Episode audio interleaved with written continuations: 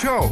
Ja arī tevi interesē uzturs, tad tu esi īstajā vietā un laikā. Klausies Kristīnas Padvīnskas podkāstu par uzturā aktuāliem jautājumiem. Sveiki, podkāstu klausītāji! Šodien ir ļoti, ļoti interesanta diena. Es jau vakarā Annai rakstot, pārrakstot podkāstu, mums sanāca pārrakstīt vienu podkāstu, un es jau vakarā Annai teicu, ka ir baigi interesantā situācija, ka es esmu ciemos Bet uh, podkāsts ir manā podkāstu, epizodu listē.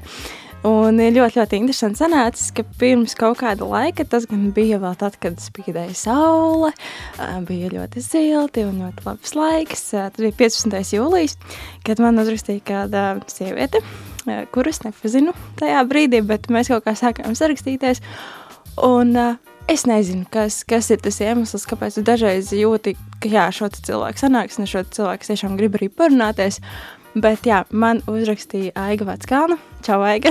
čau, čau, Kristīna. Un uh, Aiga īstenībā es uzreiz, uzreiz gribu pastāstīt, ka arī Aiga ir savs podkāsts, kas saucās Pieturzīmes, un uh, arī tur cilvēki, kuriem interesē droši vien vairāk visādas tādas valodas lietas, un uh, tev noteikti arī vēl kāds interesants cits tēmas, kurš tu apspried savos podkāstos.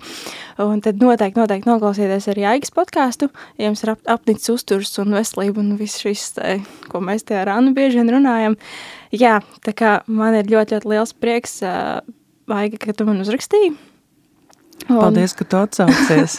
es, es vienkārši man nebija, man nebija tā kā cita doma, ka varētu nebūt, bet, nu, kā tu zini, mums tās, tās, tās ieraksti uh, pārlikās visu laiku, cik visādas dzīvē lietas notiek un nenotiek, tā kā, jā, es tiešām esmu priecīga, ka mēs tiekamies tieši oktobrī, jo tā mūsu šodienas tēma būs diezgan nopietna. Varbūt netik smaidīga, kā sākumā izklausās, bet Aigi ļoti labi izskaties, un es tiešām priecājos, ka, ka mēs varam ar tevi par šo tēmu runāt, kas īstenībā ir arī tuvu man. Es gan personīgi pats savā veselībā neesmu ar to saskārusies, bet ir tu cilvēki, kas, kas šim ir gājuši cauri.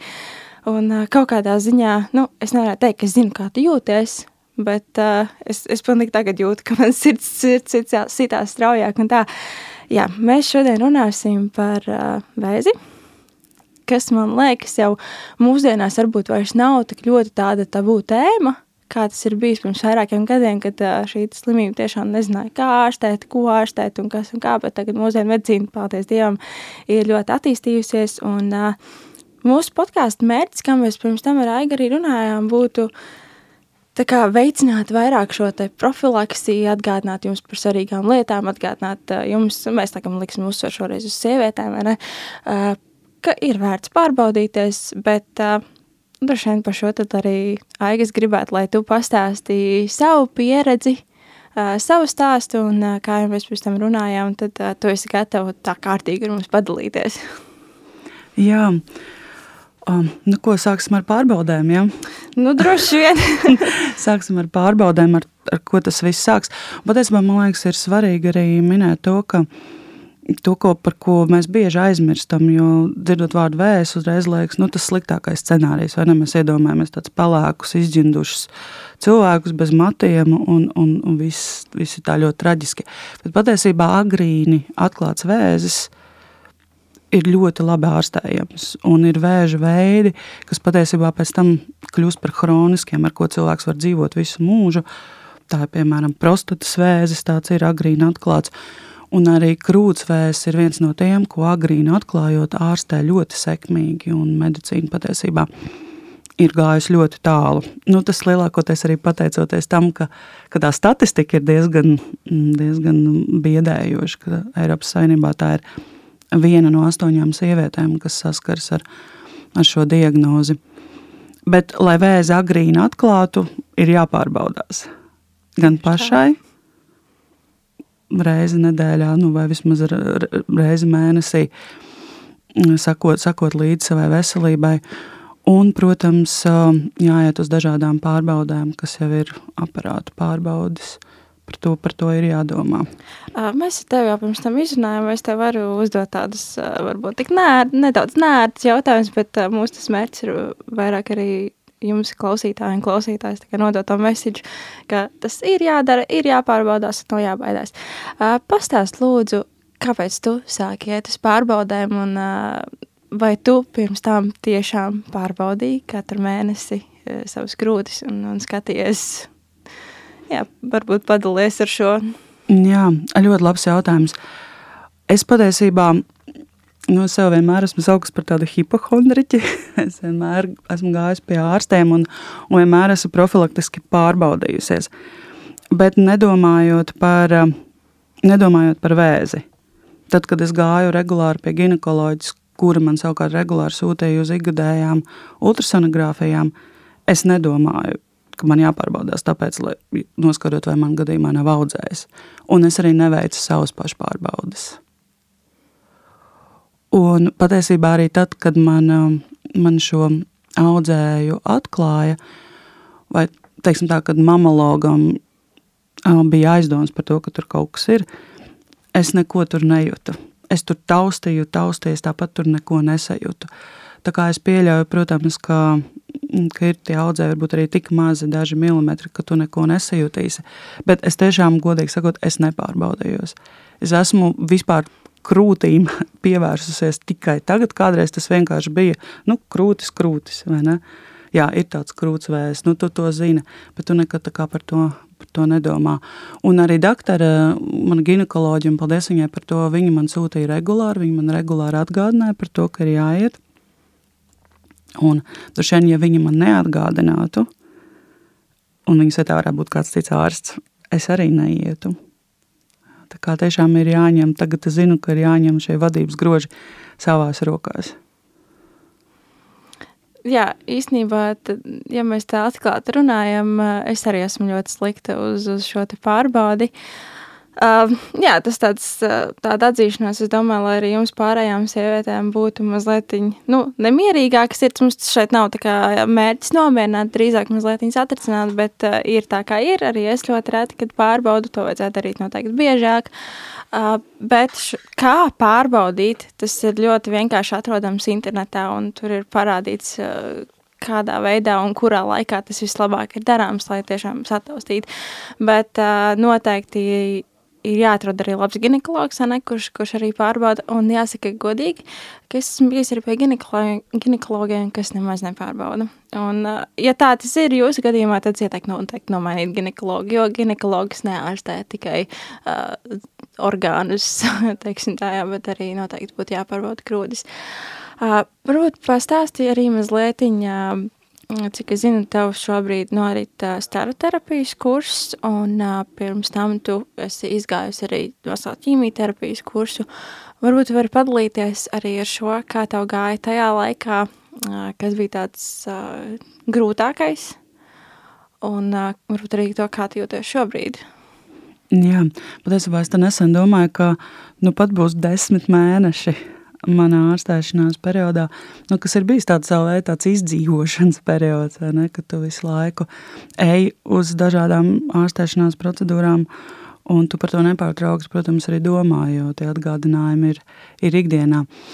Jā, viss sākās ar operāciju, nu, tad bija ķīmijterapija, un tagad man, kā jau tu teici, staru terapija, man bija astoņas ķīmijterapijas reizes, no kurām divas bija tā dēvētā sarkanā, ko tautā dēvē doksorubicīns, un četras bija šie tā dēvētie taksāni.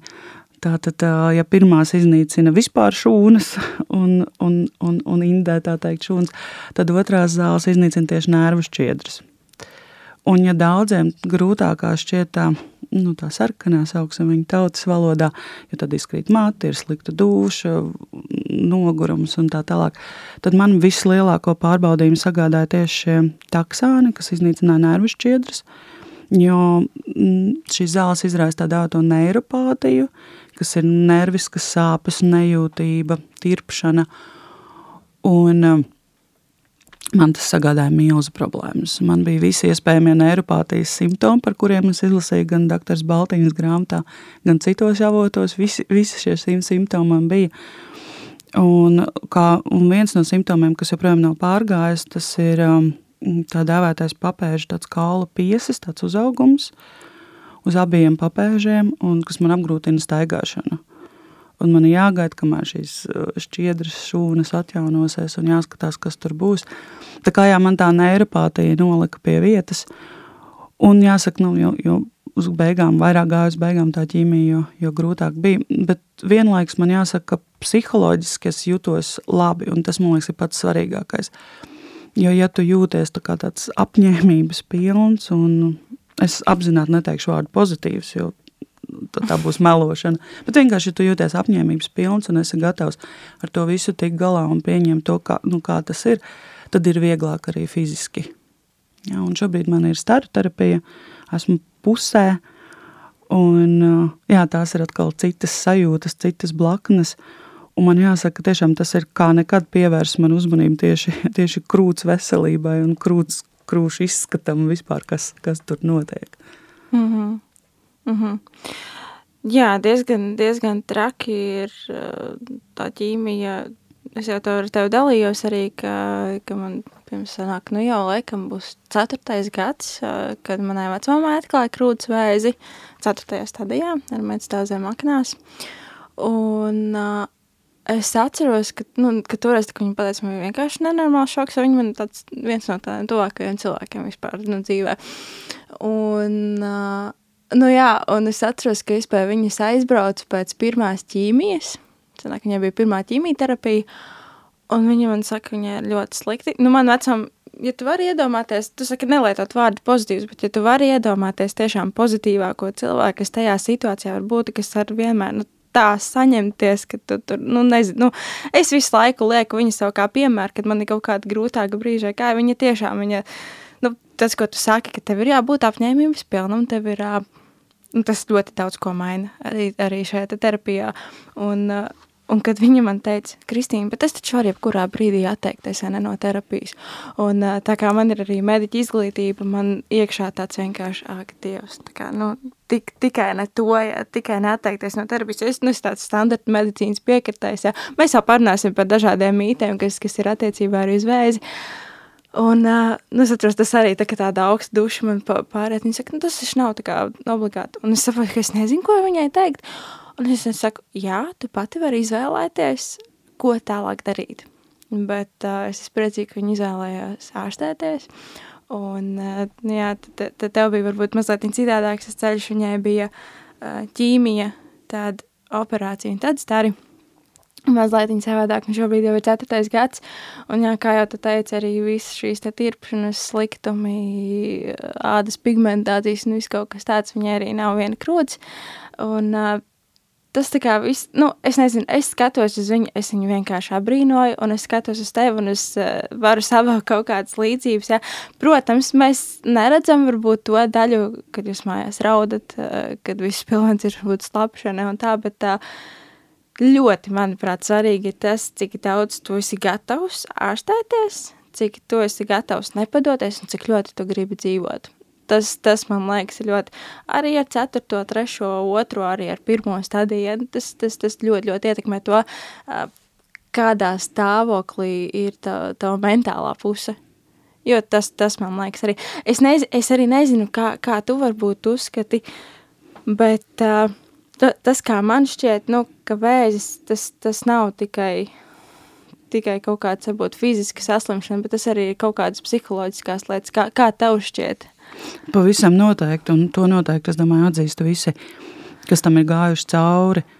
Um, tas noteikti liek, nu tas tevi, jo tiešām vārds liek ir vietā, tas tev liek paraudzīties uz dzīvi citādi, tas tev tā kā, nu, iemet tādā bedrē, tā teikt, nu, vai, vai tā kā iemet tādā peļķē, kur, kur tad tev jāskatās, jāsaprot visas šīs lietas, ko tu saki, jā, vai es to gribu, uh, vai es gribu dzīvot, vai es gribu ārstēties, un, un cik ļoti es uzticos ārstiem, un tā tālāk. Visi šie jautājumi. Un galvenais jautājums arī par to, ka tu, protams, sāc domāt, nu, kāpēc. Man nevienā mirklī nebija šīs nu, tādas jautājumi, kāpēc es. Tāda man nebija, mm -hmm. jo mhm. es tiešām ļoti daudz ko racionalizēju. Un es saprotu, statistika ir statistika. Ja? Tā man šādi jautājumi nebija. Man drīzāk, protams, kā jebkuram citam, gribējās saprast, un, atkal pateicoties šai racionalizācijai, nu kāpēc, kas to izraisīja. Un, un, un saprotot arī, ka lielā mērā mm, tas vēl nav īsti, cik es saprotu, pierādīts arī nu, tā zinātniski, bet daudzos pētījumos ir atklāts, ka, piemēram, stress un, un tādas saspringtas situācijas un spriedze arī to starp var provocēt. Ne jau, ka tas izraisa, mm -hmm. protams, bet tas to, to provocē. Un, un es sapratu, ka es pēdējā laikā, pēdējos gadus dzīvoju tiešām tādā nu, milzu spriedzē, lielākoties darba dēļ, un ka es ļoti maz uzmanības pievērsusi sev, savai emocionālajai labklājībai, savam fiziskajam ķermenim. Un es saprotu, jā, ka šis ir tas, vai nu es to daru, un, un rezultāts varētu būt cits, vai nu es turpinu dzīvot, kā es dzīvoju, un visticamāk, es atkal nonākšu līdzīgā bedrē. Tā kā, protams, tas ir noteikti, tā ir um, tas ir psiholoģisks pārdzīvojums, un tas ir lielā mērā darbs arī ar sevi un ar tām domām, kas nāk virsū. Tad, jā, tad man šajā jautājumā arī piekrīti, ka tas, tas nav varbūt tikai, o, ka tur mums kaut kāds starojums, pārtika, jā, iedzimt, protams, iedzimtība arī, bet tas ir tāds multifaktoriāli lieta, un kas, man liekas, arī tāds atgādinājums arī jums klausītāji, ka, uh, Nu, labi, šajā brīdī man liekas, ir diezgan grūti tā teikt, ņemiet to visu vieglāk, ja, kad mums īstenībā nepārtraukti grūž vēl un vēl un vēl, vai depresuhu, ja tur uzdzenam vēl visu kaut ko tādu, tad, nu, kaut, kaut kā atrast to, to, to savu mazo mieru tādu pasaulītē, ne, kur, kur, kur nav. Bet, jā, īstenībā, nu, runājot par tādu aktuālo tēmu, ka Kā tev ir, kā tu jūties šobrīd? Vai tu jūties uh, mazliet nedroši, varbūt no nu, visām pandēmijām un visu to Vai kāds, kāds ir tas tav, tav, tav, tavs sajūta šobrīd? O jā, tas viss man, protams, vispār sakrīt ar Covid. Mm -hmm. Tad, kad es gaidīju ķīmijterapijas sākumu, tad tieši Latvijā sākās ārkārtējā situācija, gan dažādi ierobežojumi. Un, protams, tas panikas līmenis bija milzīgs, jo tu jau tā esi nobijies tās jau tā ir nu, tādas vislielākās bailes, kas vien var būt, vai ne? Bailes mm -hmm. no mhm. nāves, un tev, tev vēl nāk covid pa vidu, pa virsu. Tā kā es biju, nu jā, es biju ļoti piesardzīga visu, visu šo laiku, arī visu vasaru, un arī joprojām esmu piesardzīga. Man ir tādu daudz ieradumu izveidojušies, un, un es par to domāju. Bet vienlaikus es vairs neesmu tādā, nu, tādā panikā, kā es biju martā, piemēram. Un tas noteikti ir pateicoties tam, ka, es, ka man ir terapija, ka es varu savas bailes izrunāt ar psihoterapeitu, ka es varu izstrādāt, pateicoties tam, ka es esmu tieši šogad ieviesus dažādas meditācijas un elpošanas tehnikas savā ikdienā. Jo, nu, protams, ka nu, ilgstoši dzīvot tādā trauksmē un panikā ir arī atkal izraisa jaunu, mm. jaunu, jaunu spriedzi un organismam ļoti grūti ir.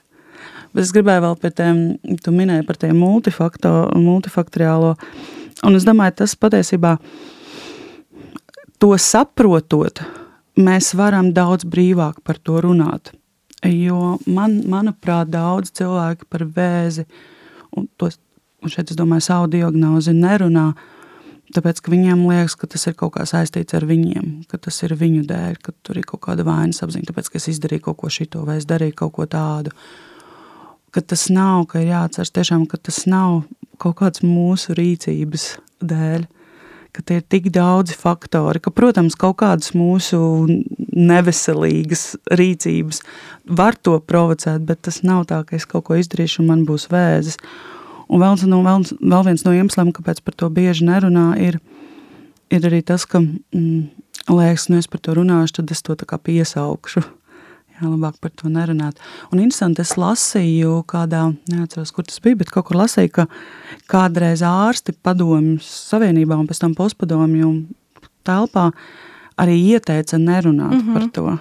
Vai tu par to kaut ko zini? Jā, jā bija tā, ka uh, kādreiz arī neteica vai pacientu diagnozi vai radiniekiem. Nu, kaut, kaut kas tāds bija, ka labāk šo diagnozi neteikt.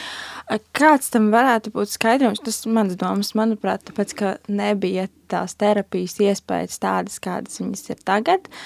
Noteikti bija vienkārši vairāk attīstījusies šī diagnostika, izmeklējumi, magnetiskās rezonances, rengeni un tā tālāk un tā tālāk. Un tagad arī vēl visi pētskani vai ne, un, un, un nu, tās iespējas tiešām ir ļoti daudz arī analīžu.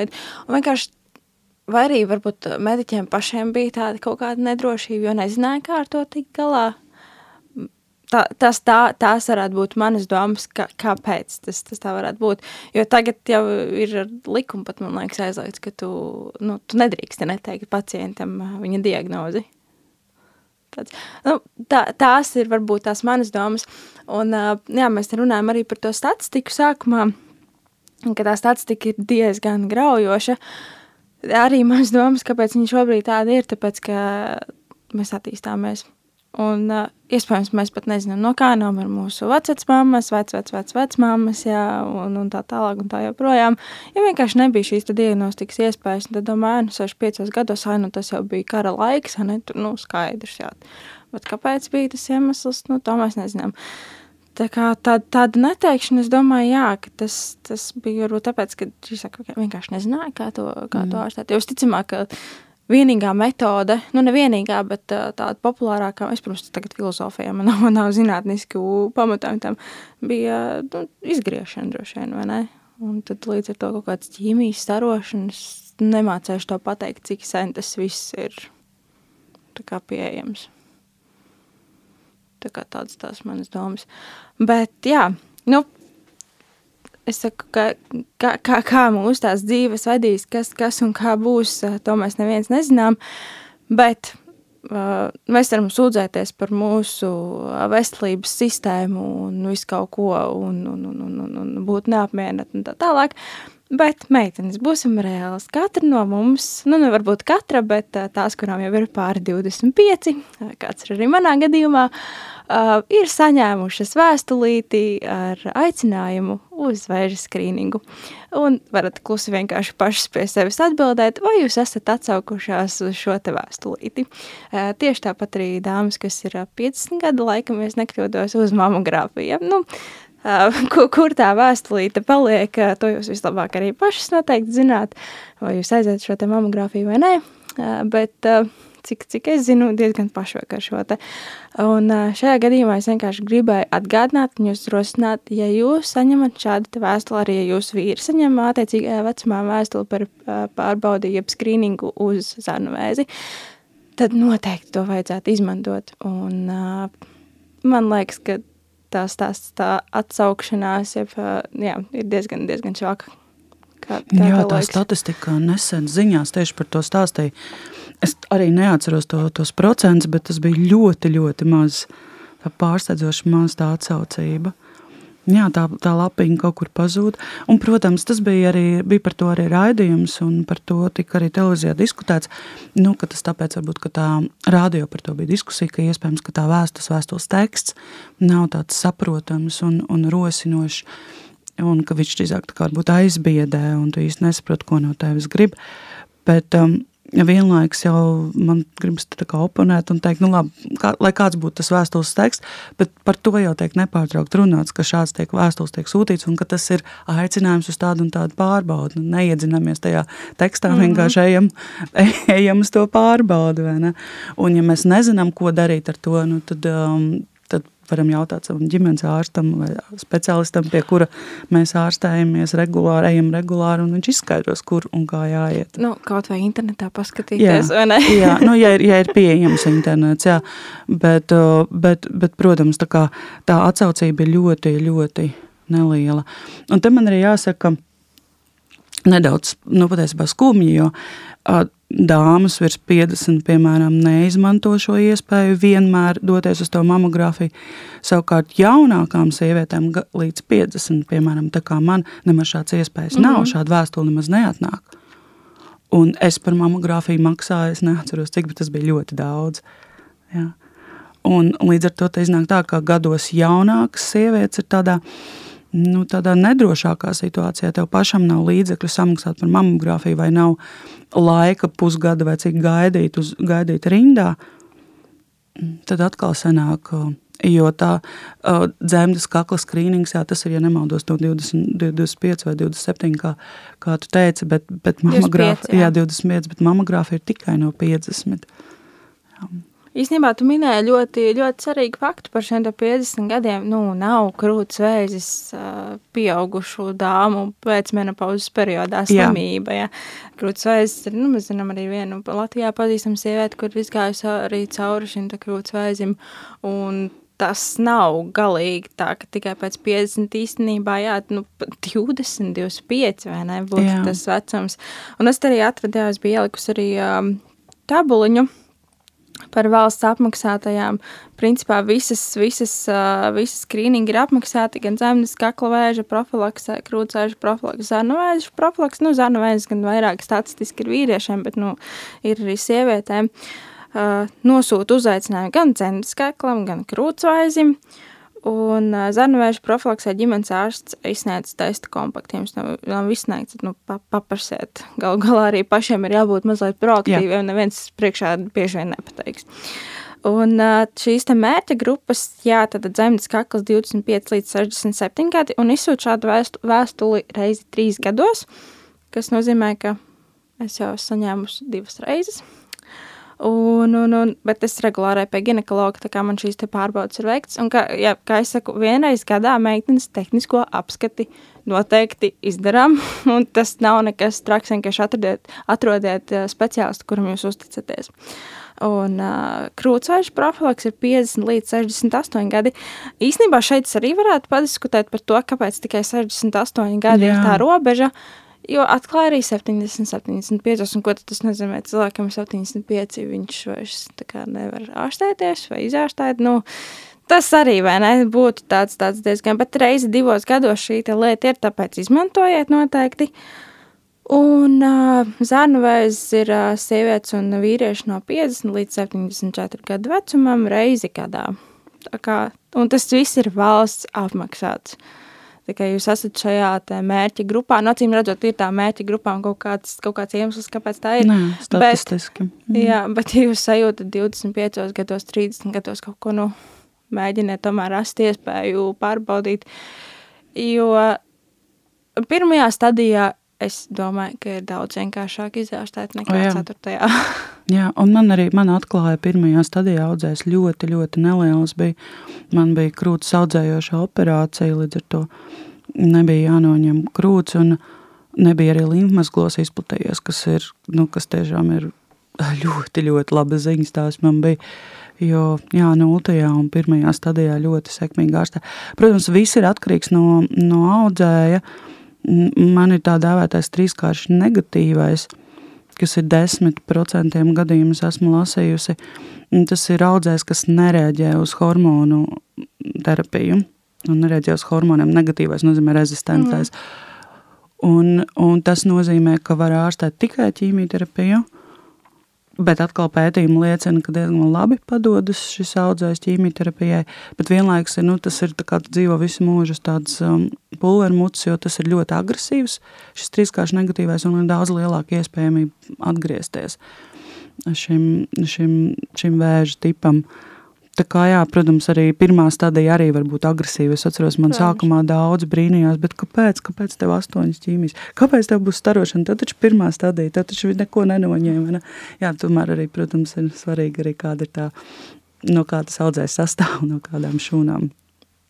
Tas, tas pilnīgi noteikti, tev piekrītu, jo es arī atceros, kad es studēju par vecmāmu, uh, skatījos tur tos vēža veidus, mēģināju saprast pēc viņas terapijas, viņa arī dabūja šo sarkano tā saucamo, jā, bet uh, viņai vēl ir herceptīns, un to viņai jau četrus gadus, ik pa trīs nedēļām mm. regulāri injicē, bet uh, tas ir tas veids, nu, viņa skaitās tā kā paliatīvā aprūpa viņai ir, bet uh, tas ir tas veids, kad ir jau ceturtais gads, un, uh, vai ne, nu tā, tas, tas ir vienkārši, es domāju, ka šī terapija, tāpēc, ka tā bija ceturtā stadija, un, uh, nu jā, kā noteikti, ja kaut ko sajūtat, nu, labāk aiziet. Jo bieži vien tas, tas var būt vienkārši lab, labdabīgi vai Jā. labdabīgās cistas un kaut kas tāds, bet uh, kāpēc dzīvot ar stresu? uztraukties, domāt, nu, kā mēs jau ar Aigari runājam, stress arī, nu, tad iedomājieties to sniega bumbu, kas vienkārši var vēlties un vēlties un vēlties, un, un tu nekad nezini uz, uz kuru orgānu un kurā vietā tas, tas tev tā kā atdursies. Tā kā mūsu, mūsu tas aicinājums pilnīgi noteikti būtu, uh, ja jums ir vēstulīte, šo vēstulīti izmantot, un ja jums tāds vēstulītes nav, bet ja kaut ko sajūtat, labāk pārbaudīt. Tas, tas, ko es arī vienmēr saku, ka tāda veselības profilaks vienmēr būs lētāka arī nekā ārstēšana, Labi, mums, saku, man, manā ģimenē tiešām, paldies Dievam, viss, viss ir kārtībā, ir valsts apmaksāta ārstēšana, bet cik daudziem tas nav iespējams? Tā kā tas, tas arī diezgan, diezgan nopietni un, un, un jā, liecietais krūdis, kā saka. Um, jā, mēs arī, mēs te baigi aizinājāmies par tādām mazliet varbūt bēdīgām un priecīgām lietām, jā, bet uh, parunāsim mazliet par uzturu un par to, kas, kas notiek uztura pasaulē. Nu, cik šis arī uztura podkāsts un tā. Tad, jā, varbūt Aiga, tu vari pastāstīt, varbūt tev pat kādi draugi ir kaut ko ieteikuši. Nu, kā mēs zinām, tie mīti par vēža ārstēšanu un uzturu ir, un uzturu ir šausmīgi daudz. Un tu noteikti arī ļoti daudz ko esi dzirdējis. Bet kas varbūt būtu tāds uh, nu, tāds topiņš, ko tu, ko tu esi dzirdējis? Topiņš ir, ka mm, cukurs baro vēzi. Mm -hmm. Tas ir topu topiņš. Man liekas, visā pasaulē. To, to es arī esmu dzirdējusi. Un, jā, man liekas, ka pat bija kaut, kaut kādu laiku atpakaļ uh, gāja raksts. Es pat nezinu, kas, kas, kas to bija rakstījis, bet tur bija par visu kaut ko, ka tur bija par pienu, ka izraisa kļūdas, un arī tās baro vēzi. Varbūt tu esi redzējis to rakstu. Jā, un, par pienu tas, es arī esmu lasējusi, jā. Jā, nu tās, tie mīti ir, ir, ir šausmīgi daudz, bet kas, kas man liekas tāda tā, tāda interesantāka ir, piemēram, par seleriju sulu. O, oh, jā. Vai tu esi dzer, dzeru seleriju sulu? nē, nē, man garšo seleriju, bet nekad neesmu dzeru seleriju sulu. Jā, vēl viens mīts, starp citu, arī tas, ka, mm, ka ir jāpāriet pilnībā uz vegānu dzīvesveidu un ka dzīvnieku izcelsmes produkti ir tie, kas arī baro vēzi. Mm, šo es nebiju dzirdējusi. Tad vēl, protams, tā, tāds, kas man liekas mūsdienās arī ļoti populārs, ir ētriskās eļas. O jā, o jā, un dažādi ar to saistītie produkti. Jā, un tas ir interesanti. Zini, ka nu, etriskās eļļas visbiežāk Latvijā mm, pārdod dažādi šie tīkla mārketinga, tiešās pārdošanas uzņēmumi. Un, protams, var iegādāties arī pats, bet, bet visbiežāk. Un interesanti, ka, ka paziņas, kuri darbojas ar to, uzrakstīt kā lai tā kā pajau, nu, novēlētu veselību un tā, protams, izstāstīt, ka kādam viņu draugam paziņai nu, tā parasti ar to tas iesāks arī tā ir bijis, un viņu izārstē tieši šie, šie produkti, un ja tev ir interesi, mēs varam tikties un par to parunāties. Jā, tas tā, nu, man liekas, tas tā dejot bišķiņi uz kapa, vai ne? Tev ir bijis kaut kāds piedāvājums, varbūt, ka tev kaut ko tieši piedāvā vai izmēģināt, vai, nu, paskatīties. Jā. Jā, šis, šis bija man, tas, ko es stāstīju, bija tāds tieši konkrēts piedāvājums, ka man tā arī uzrunāja. Aitrisko eļu papilināt, jā. Aitrisko eļu, jā. Uh, un vēl arī, arī Covid dēļ, es, protams, biju ļoti daudz mājās un netikos ar cilvēkiem. Tā kā es pieļauju, nu tā, ja Covid nebūtu, es saņemtu vēl vairāk dažādas piedāvājumus. Ar to jārēķinās, ja tu nolēmi par to runāt. Jā, mm. ar to jārēķinās, ka tie piedāvājumi būs un, un padomi. Kas, protams, ir ļoti labi cilvēki to domu, nu, labu gribēdami, to es saprotu, bet, protams, ir ļoti jāfiltrē tas, ko, ko iesaka. Ok, uh, labi, man ir izglītība, es zinu, es atšķiru tā kā broscience, ja, no, no, no tiešām zinātnes un tā tālāk, bet uh, kā tev ir? Nu, es esmu tajā burbulī visu laiku, teiksim tā, nu, es tiešām saprotu, kas, kas ir kas, vismaz man tā šķiet, jā. bet uh, kā tev ir, nu, kā, kā tu saproti, ka, nu, šitas točna nebūs? ka tas ir nu, pilnīgs muļķības. Jo nu, es domāju, ka kaut kādā brīdī cilvēkiem vienkārši var būt izmisums. Jā. Kad liekas, ka nu, labi, dzeršu to ētrisko eļu pa taisno kaut tā, varbūt palīdzēs. Nu, kāda starpība, tāpat viss nomirsim. Jā. jā. Un arī bieži vien arī šo produktu izplatītājus vaino tajā, ka viņi izmanto vēža pacienta nu, tādu vājumu vai to viņu situāciju. Un, un, protams, jo īpaši jo lielāka stadija, jo, jo cilvēks ir izmisus, izmisušāks, uh, un viņš ir gatavs izmēģināt visu, un bieži vien tieši šiem izplatītājiem to pārmet, ka viņi to izmanto. Man, man jāsaka, ka mans racionālais prāts, un, un ko mēs varētu saukt par, par kritisko domāšanu, arī man neļauj nekad tā kā uz kaut ko tā viegli uzķerties. Un pat ja varbūt tas ir tiešām kaut kas, kaut kas labs, es tāpat to, to pārbaudīšu. Un līdzīgi kā tu teici, man ir svarīgi, lai tam būtu kaut kādi zinātniski pētījumi pamatā un avu vairāki avoti. Es nekad neusticos vienam avotam, es izstudēšu vairākus avotus. Es arī neusticos um, tam, kas patiesībā līdz šim Latvijā ir bijis galvenais tāds informācijas avots, proti tas, ko saka citi pacienti vai kāds, kuram ir kāds radinieks bijis. Un, un, ir, un tas ir sekas tam, ka par to iepriekš nerunāja, ka par vēzi ir tik maza informācija. Tu pati teici, ka meklēja iepriekš vai ne par to pašu uzturu, un līdz ar to liela daļa cilvēku paļaujas uz to, ko viņam saka palātas biedri, citi pacienti vai citu pacientu draugi, kuri arī bijuši. Un es vienmēr to, to pārbaudu, un līdz ar to mani avoti, tostarp arī uztura ziņā, ir bijuši mm, zinātniski pamatoti raksti un avoti vai grāmatas, vai arī uztura terapeita kurai es uzticos, jo viņai atkal savukārt ir pieredze un izglītība tieši darbā ar onkoloģiskiem pacientiem. Jā, ļoti pareizi saka, un cik es no tevis arī sapratu, tu konsultējies ar ārzemju speciālistu, kas ir tieši, tieši specializējies šajā jomā, un tas, man, manuprāt, tas ir ļoti, ļoti pareizi, jo, nu, nu, mēs nevaram visu zināt. Kāpēc es par to zinu? Diezgan salīdzinoši daudz, tāpēc, ka es tiešām ļoti, ļoti aktīvi meklēju. Tad, kad man vecmāma ar šo problēmu saskārās, un es tieši tajā laikā arī studēju, bija tēma attiecīgā. Es domāju, o, super, man divi zaķi ir viena šāviena.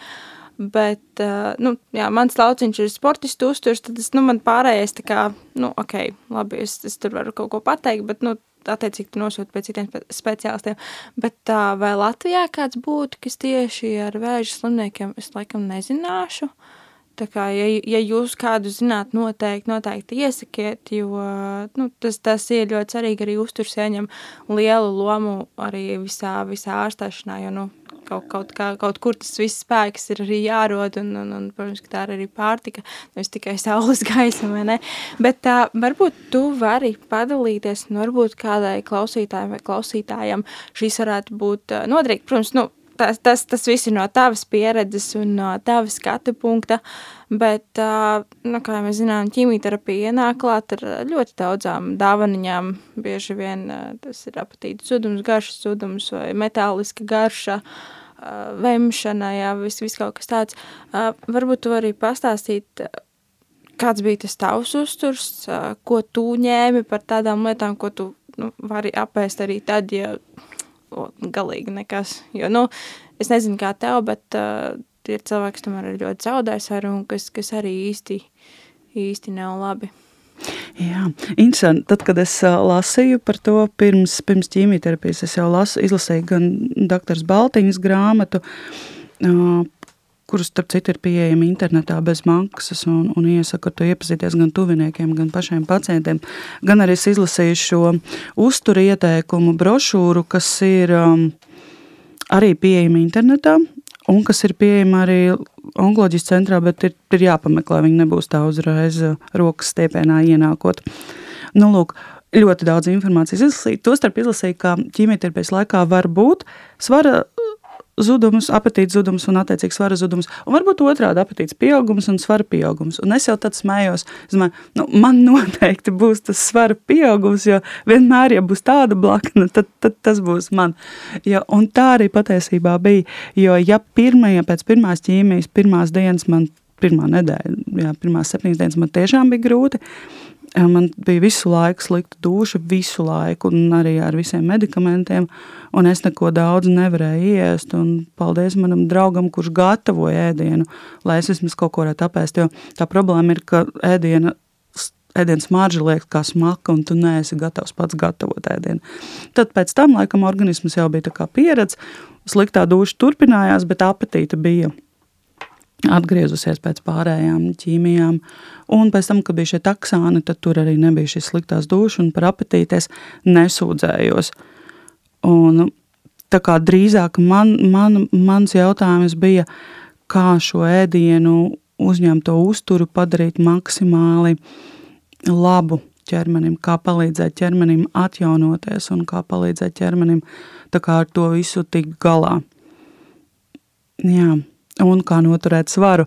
Jo tu droši vien arī zini, ka, ka ķīmijterapijas laikā iesaka saglabāt, saglabāt svaru un ne uz, ne uz, ne uz leju, ne uz augšu. Tas bija tāds arī izaicinājums. Okay, bet tā, kas bija tādi produkti, ko tu zināji, kas, nu, saidzot? nu, tas bija viss, kas ir saistīts ar proteīnu. Mm -hmm. Pilnīgi viss, kas ir saistīts ar proteīnu. Es klausījos arī tavu, tavu raidījumu par proteīnu, un, un arī māju ar galvu klausoties līdzi. Jo jā, tas bija pirmais, ko mēs ar manu uzturterapeitu arī runājām, ka tai vienmēr plānojot ēdienreizi, ir jādomā pirmais, ko tu domā, ir olbaltumvielas. Un tikai tad tu domā, tātad nākamais ir dārzeņi, vai ne? Un tad kaut kādi šie saliktie, saliktie ogļhidrāti nedaudz. Bet pirmais ir proteīns. Un tad es atklāju sev, pirmām kārtām es atklāju, cik bagāti ir olbaltumviela pasaule, ka tas nav tikai vārīta ola vai, vai vistas filē, mm -hmm. vai ne, kā jūs arī raidījumā runājat, ka patiesībā proteīns ir tik daudzos tik, daudz, tik daudzos pārtikas produktos. Un jā, tā kā tāda tā kā spēle bija ar to proteīnu, joprojām turpinās, jo man ir jātiek galā ar tiem papēžiem, un, lai tie audi ātrāk atjaunojas, mm -hmm. atkal proteīns ir veids, kā palīdzēt organismam atjaunoties. Un tas ir neatkarīgi no tā, vai jums kā, ir apetīts zudums vai, vai gluži otrādi palielināta apetīta. Proteīns ir tā galvenā, viena no galvenajām atbildēm. Mm -hmm. Nu, tu jā, tieši teici par proteīnu. Īstenībā man ar vecmāmu bija ļoti, ļoti līdzīgi. Jo nu, es ne, tie, tieši tā paša teica, ka nu, ir vajadzīgs proteīna, lai tu nezaudētu to, to muskuļu masu, kas, kas tev vēl ir. Jo viņai bija tas, ka viņa kritās svarā. Un negribu nevienu reklamēt vai, vai kaut kā tā, bet nu, tie, kas varbūt ir gājuši cauri, zina, ka ir uh, visādi speciālā pārtika, kur jau pudelītē ir gatavs, uh, gatavs uzturs, kas maksā 3-4 eiro viena tāda ēdiena reize. Bet, uh, kā, kā jau saku, mēs šeit nerunājam no zinātniski pētnieciskiem darbiem, mēs runājam no pieredzes. Tad man vecumā top, viens no top produktiem bija pienspēks. Daudziem tā ir. Jā. Jā, ļoti daudziem tas ir. Jā, tā kā tas, tas to, to noteikti arī jā, atcerieties, un viņš pat ir dabūnums arī bez garšas, kas man liekas tajā brīdī, kad varbūt, nu, neko, neko, tādu varbūt pliekantu vēl var dabūt iekšā, es arī iesaku labāk šo tā ņemt, jo tur, tur, tur mazāk viss kaut kas pievienots klāt, un ko viņai gribēs, ko viņai vēl projām, ko laikam gribēs turku zirņi, piemēram, ja? mm -hmm. tā kā, nu, varbūt nav uzreiz jāķerās klāt pie, pie, pie šīs pavisam specializētās pārtikas, jo viņa tiešām ir daudz dārgāka. Un uh, pienspēks, man liekas, maksā uh, bišķiņa eiro pāri, kas ir 19, un tur principā sanāk divas, man liekas, man pat liekas, ka tur jāsanāk divas proteīna devas tā kā dienai. Ne dienai, bet uh, divām ēdienreizēm.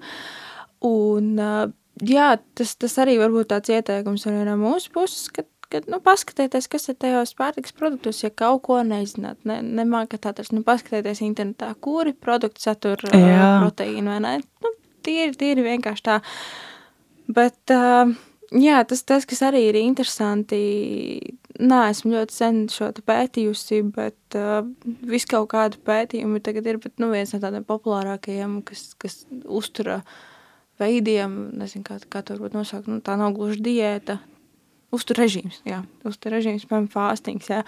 Un es atceros, ka, kad šo tēmu pētīju, tad uh, tur, tur pat bija arī pētījumi par vēzi, nu, maziņi gan, jā, kas, kas, nu, vēl neskaitās, ka atkal ķīmijterapijas laikā neiesakējas, tie varbūt tu kaut ko tādu arī esi dzirdējusi.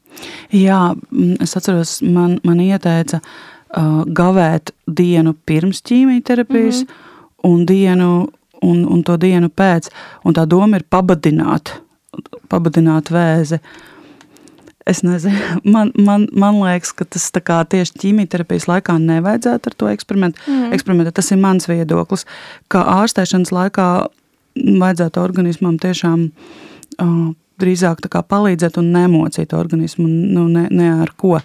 Savukārt par gavēšanu vispār, tostarp par šo pārtraukto gavēšanu, ir arī dažādi, dažādi ieteikumi. Un interesanti, ka tikko es piedalījos vienā virtuālā simpozijā par vēža veselību, un tur tika prezentēti pētījumi, jau kā pētījumi, jā, kur, kur gavēšanas labais efekts, labā iedarbība uz vēža profilaksi tieši ir, un arī attiecīgi arī tas nozīmē, ka pēc ārstēšanas ja, tad, tu, tas ir devis labus rezultātus. Bet pašā ārstēšanas laikā es noteikti neieteiktu eksperimentēt ar to un, un badināt. Nu, nevaram mēs tur neko pabadināt. Tur bija pētījums uz cilvēkiem, neatceries? Jā, pētījums uz, uz cilvēkiem. cilvēkiem. Es okay. tev varu pārsūtīt, jā, tie ir tādi ja, ja, jaunāki, jā. Tas tik, tikko nesen, nesen bija. Jā. Ja es vispār domāju, ka nu, tur nevar neko nec pabadināt, nec pabarot mm. īsti. Jā. Es laikam šajā, šajā piekritīšu no tā, cik daudz es par to interesējusies un cik es esmu par to lasījusi. Jo, nu, kā, kā jūs arī tie, tie cilvēki, kas ir vairāk ar zinātni saistīti, nu, tur nepārtraukti viss kaut kas mainās. Jā. Kaut kā tas pats piemērs. Vienu dienu saka, olas nedrīkst ēst, olas Jā. sliktas. Nākamajā dienā olas var ēst viss kārtībā. Vienu dienu saka, ka piesātinātie tauki ir pilnīgi aizslēdz. Tad aiznākamajā dienā jau saka, ka nē, mums viņus tomēr arī vajag, vai ne? Tā kā Sekojiet vienkārši līdzi, ja jūs nezināt, labāk uzjautājiet kādam speciālistam, ja, kurš, kurš tiešām arī kaut ko no tā visa saprot. Uh, saprot, ka pētījums uz žurkām vai slēkām nav tas pats, kas pētījums ar cilvēkiem, ja, kas, kas bieži vien arī no ārstu vidus esmu dzirdējis, ka uh, citai pētījums uh, par žurkām, un tad man gan ir tāds, mm, es īsti nevaru izvēlēties, vai es gribu būt slieka vai žurka vai mērkaķis, ja, nu tad ir tāds, mm. Ja? Tā kā, tā kā tāda kritiskā domāšana īstenībā arī, un es domāju, ka, ja tev kāds kaut ko pajautātu, tu arī noteikti būtu gatava padalīties arī o, ar savām zināšanām. Un, un, un, jā. Es te pasmaidīju par tiem, kas, par ko mainās viedokļi. Kafija ir viens no tiem. Un Latvijā joprojām valda uzskats, ka kafiju nē, ka kafija tā kā vēža pacientiem nē, un kafija ir slikti un tā tālāk. Uh, un jau sen patiesībā ir nu, šis mīts, ir apgāsts, var dzert kafiju. Protams, ja jums pašiem nu, tā kafija ķīmijterapijas laikā izraisa kaut kāds nepatīkams blaknes, un tā var būt, jo garšas mainās. Mm. Plus kafija, protams, arī skābina, skābina vidi, ne, un varbūt kaut kāds, kaut kāds kuņģi problēmas un tā tālāk. Tieši tāpēc, ka mainās organisms ārstēšanas laikā, tad nevajag kafiju, protams, dzert, bet tā nav, ka kafija arī baro vēzi. Noteikti nē. Tu zini, ja šito manai vecmamai mammai pateiktu. Un es parasti, kā es, kā es vienkārši čekoju, vai viņai ir labi vai slikti, ja viņa no rīta padzēra kafiju.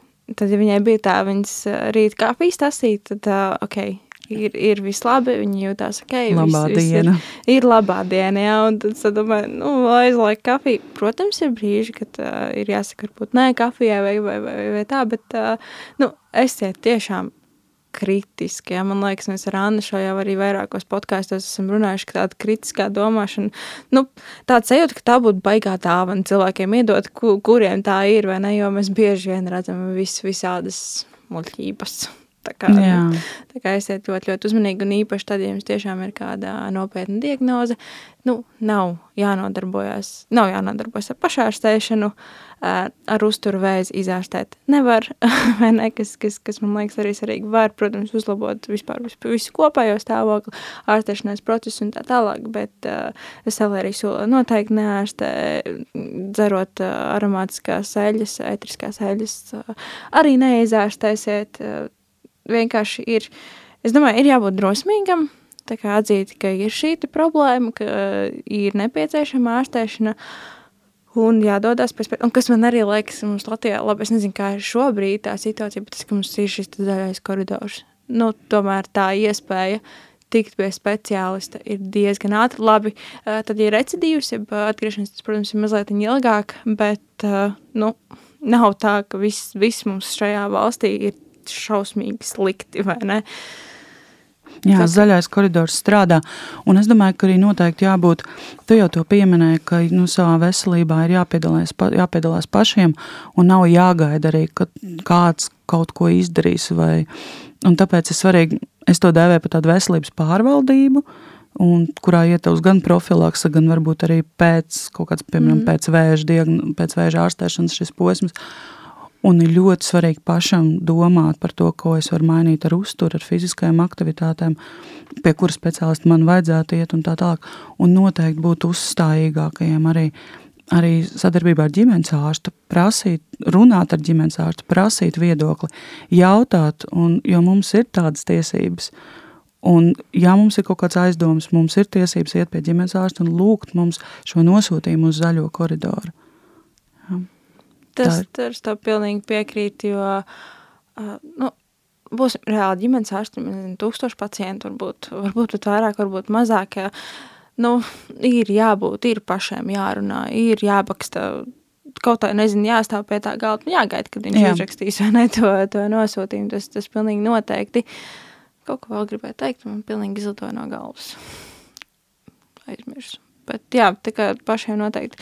Jā, ah, jā es tev gribēju paprasīt par, par, par fiziskajām aktivitātēm, jo viens no maniem tādiem labiem paziņām, Rudolfs Šeiko noteikti arī es par viņu dzirdējis. Viņš ir izstrādājis šo pētījumu par to, kā, kā tas viss ietekmē. Vai tev ir kāda pieredze arī ar fizisko aktivitāšu ietekmi? Jo tik, cik es zinu par savu vecmāmu, viņa ir ļoti aktīva dārzā, un tas, man liekas, noteikti arī pie tādas ārstēšanas ir devis noteikti pozitīvu efektu. Nu, tik, cik viņi ir varējuši, ne tajā laikā tur kaut ko rušināties tā. Bet kā tev ir bijis fiziskajām aktivitātēm? Jā, es tev izstāstīšu, gan kā ir man bijis un kā vajadzētu būt. Bet uh, tas ir starp citu vēl viens mīts. Kādreiz uzskatīja, ka nedrīkst uh, ārstēšanas laikā, ka nedrīkst sportot. Nu, lūk, um, es vērsos pie Rudolfa uzreiz, tiklīdz es uzzināju diagnozi, jo es zināju, ka viņš tieši ar šo nodarbojas, ka viņš raksta gan šo, šo disertāciju, gan arī, gan arī strādā ar pacientiem. Uh, Un, un, un tiklīdz man bija iespēja, tad es sāku iet uz fizioterapiju pie Rudolfa. Pie Rudolfa iet tieši lielākoties uh, vēža pacients. Manuprāt, tie rezultāti brīnišķīgi. Un tad, kad man palika pavisam slikti ķīmijterapijas laikā, tad es, um, un arī tas sakrit ar covid piesardzībām un viss vis, bija jāievēro. Tad es pārstāju iet, un tagad es neeju, man šausmīgi sāp tie papēži, bet tik līdz tik līdz es varēšu, tas ir man pirmais sarakstā, ka es atsākšu, jo tas tiešām ir tik svarīgi. Atsākšu un, un ieviesīšu to kā ikdienas daļu, jo tieši fiziskas aktivitātes ir viena no tām lietām, kas profilaktiski darbojas vislabāk. Ja, un, un Rudolf Cešēko pētījums arī to ļoti labi mm, pierāda arī zinātniski, kā tas iedarbojas un kā tas palīdz. Jā, droši vien ļoti līdzīgi kā, kā, kā pie jebkuras citas saslimšanas, kur nav kontraindikācija fiziskām aktivitātēm. Nu, dažreiz vajag ar tādu negribu laikam arī aiziet mm. un izdarīt, jo tie, kas varbūt sporto ilgāku laiku, tu zini, ka nu, ir tāda treniņa, kurus negribas pildīt, bet kad tu izdari tev tik forši, tas arī nu, tā, tāds mans piemērs, es šobrīd esmu no ritiņbraucoju staigātāju, Un nu, šausmīgi negribas dažreiz iet ārā nu, šitādā laikā, liekas, oh, un tad tu izēji, tu aizies to mežu, tu vienkārši sēlpojies to gaisu, un tu atnāc, oh, baigā enerģija, vai ne, un ritīgi forši, un esam vakarā arī tik labs miegs, tā kā noteikti izmantojiet, man liekas, arī tos resursus, nu, ja nav iespēja tur tikt pie fizioterapeita vai pie kāda cita speciālista, un, un, un ja tiešām veselība atļauj, nu, aiziet kaut kā uz mežu, man liekas, mēs dzīvojam tik ļoti privileģētā situācijā, kā mums. Rīgā, ka tu vari, labi, man ir 6 minūtes līdz meža parkam, bet uh, kaut kādā, nezinu, 20 minūšu braucienā tu esi mežā, kur tas gaiss smažo pilnīgi citādāk. Es meža fans vienkārši. Tad uh, noteikti, noteikti to izbaudiet un dariet, un tas arī vispār tādā kopējā veselības profilaksē ļoti labi. Aiga, uh, ko tu novēlētu mūsu klausītājām un klausītājiem varbūt tāds, tāds, tāds, tāds galā gala kopsavilkums un um, tāda galvenā doma varbūt arī no tavas puses? Jā, nu noteikti, protams, profilakse un pārbaudas, bet otra lieta, es noteikti ieteiktu atrast un izlasīt pieejamo informāciju, jo patiesībā ir dažāda informācija ļoti daudz. Internetā ir dažādas brošūras atrodamas bez maksas, kas ir, ir izstrādājuši onkoloģijas centra speciālisti gan brošūras tuviniekiem, kas ir to saskārušies, gan šī uztur brošūra, gan, gan citas brošūras, arī šī minētā doktoras Baltiņas grāmata. Tas viss ir internetā pieejams, un patiesībā tas ļauj arī uz situāciju paraudzīties nedaudz, nedaudz citādi. Un, protams, mans atgādinājums bija par to, ka, ka agrīni atklāt vēzi ārstē ļoti sekmīgi, un no šīs diagnozes un no šā vārda nav panikā jābaidās, par to ir jārunā, par to ir jādomā. Un jo agrīnāk to atklās, jo, jo labāk un, un ilgāk mēs dzīvosim. Tieši tā, un tas, tas arī tas, ko es noteikti novēlu, arī varu tikai pievienoties aigas novēlējumam, un arī tiem cilvēkiem, kas, kas ir blakus, kur, kur es esmu bijusi tā situācija, noteikti nebaidieties, ir ok, ļaujiet tam cilvēkam arī vienkārši, ja viņš grib runāt, ļaujiet viņam runāt, viņš negrib runāt un nespiediet viņam runāt, atgādiniet to, cik viņi ir stipri, par to, ka viņi labi izskatās, jūs redzat, ka viņam nav matu, nu, nebaidieties, vai nav uzveds, vai skropstu, nu, tas viss lielākajai daļai tomēr ataug, un, nu, vējs nav lipīgs, jā, tas tā, tā nav lipīga slimība, un, nu jā, tas, tas atbalsts ir ļoti svarīgs. Nu, kaut tā vienkārši uzzvaniet, nu, pajautājiet, kā iet, jā, un, un nu, tāds, tā, tāds vienkāršas lietas. Nemaz jau baigi daudz, man liekas, ar neko nevajag. Un tad, ja negrib cilvēks runāt, nu, vienkārši nebakstiet viņiem. Dažreiz var būt arī tāds grūtāks dienas. Tā kā, nu, arī, arī tiem, kas ir blakus, arī tiem novēl būt drosmīgiem. Jo es saņemu tādu ziņu, ka kādam tam tuviniekam ir, ir, ir vēzis, tas, tas nav forši. Uh, Tas, es domāju, arī grūti. Un dažreiz tā blakus, blakus būšana ir grūtāk nekā. Es pilnīgi piekrītu. Es pavisam noteikti klāt. domāju, ka blakus būt ir, ir ļoti, ļoti grūti. Tas, tas ir mazliet tas, ka tu esi tāds bezspēcīgs un tu neko nevari izdarīt, bet uh, noteikti nenovērsieties, es, esiet uh, līdzestīgi, jo tas, tas arī ļoti daudz ko nozīmē. Uh, Jā, es domāju, ka jums tāda galvenā doma un kaut kāds arī mūsu atzīšanās būs nākušas par labu. Esiet vienkārši apdomīgi un apdomīgas, rūpējieties par savu veselību. Mēs dzīvojam ļoti labā valstī, mums ir daudz kas pieejams. Protams, vienmēr var labāk, bet uh, ir tomēr tik daudz iespēju, kā mēs varam par savu veselību uh, parūpēties. Un esiet proaktīvi, pilnīgi noteikti esiet proaktīvi. Ja, ja, ja, ja kaut, kaut ko pamanāt, nevis baidīties, bet tāds, tāds, tāds galavārds man liekas šodien būtu esiet drosmīgi. Arī tad, jūs ejat cauri šīm ārstēšanās periodam, vai arī tad, ja kaut, kaut kas tiek atklāts. Es tev teikšu, Aig, nenormāli lielu paldies par, par šo sarunu, un jā, tas, ko es no tevis jūtu, ka tā ir tāda, tāda apņēmība un tāds miers, uh, Un es tā novēlu to arī saglabāt. Un uh, es ticu, ka ar tavu raksturu, tavām domām, tavu spēju tu tiksi ar to galā pavisam. Un arī visiem šiem starošanām un visam tam. Nu, tas, tas, tas, es jūtu cilvēks, un es jūtu, ka tas tev ir ritīgi iekšā. Un tiešām ritīgi priecājos, ka mums beidzot izdevās satikties jā. un aci par tāci runāt, jo man tā doma likās, o oh, jā, šito, šito noteikti, un ar tevi es noteikti, noteikti parunāšos, un uh, tev ir ļoti foršs uh, krekliņš šodien mugrā, fuck cancer. es atvainojos par necenzētiem vārdiem, bet nu, tieši tā arī ir, un gal galā uh, cīnamies daramies, nu, pa Covid vēl varētu. tā kā, tā kā viss, viss, viss būs labi un tiešām uh, mēģiniet arī rast, rast to mieru un tādu, nu, pozitīvismu arī, ja tev nepatīk tas vārds, bet uh, tas, tas arī tomēr ļoti svarīgi. Un, mīļie klausītāji, atgādināšu vēlreiz tiem, kas ir tikuši līdz podkāsta galam, ka ir podkāsts pieturzīmes, Noteikti noklausīties arī to, ja ir apnicis klausīties manā un Annas balsī. Uh, Arī tad, ja nav, noteikti paskatieties, kas tur ir. Podkāstu jūs varat atrast, SoundCloud, Spotify, Apple podkāstu un arī mājaslapā www.kristīna.lv. Un tad jau tiekamies nākamajās epizodēs, un varbūt mums ar tevi vēl kāds podkāsts būs padomā. kā, paldies, paldies visiem tiem, kas klausījās, un liels, liels paldies tev, Vaigi. Jā, paldies par uzaicinājumu. Esam drosmīgi. Esam drosmīgi.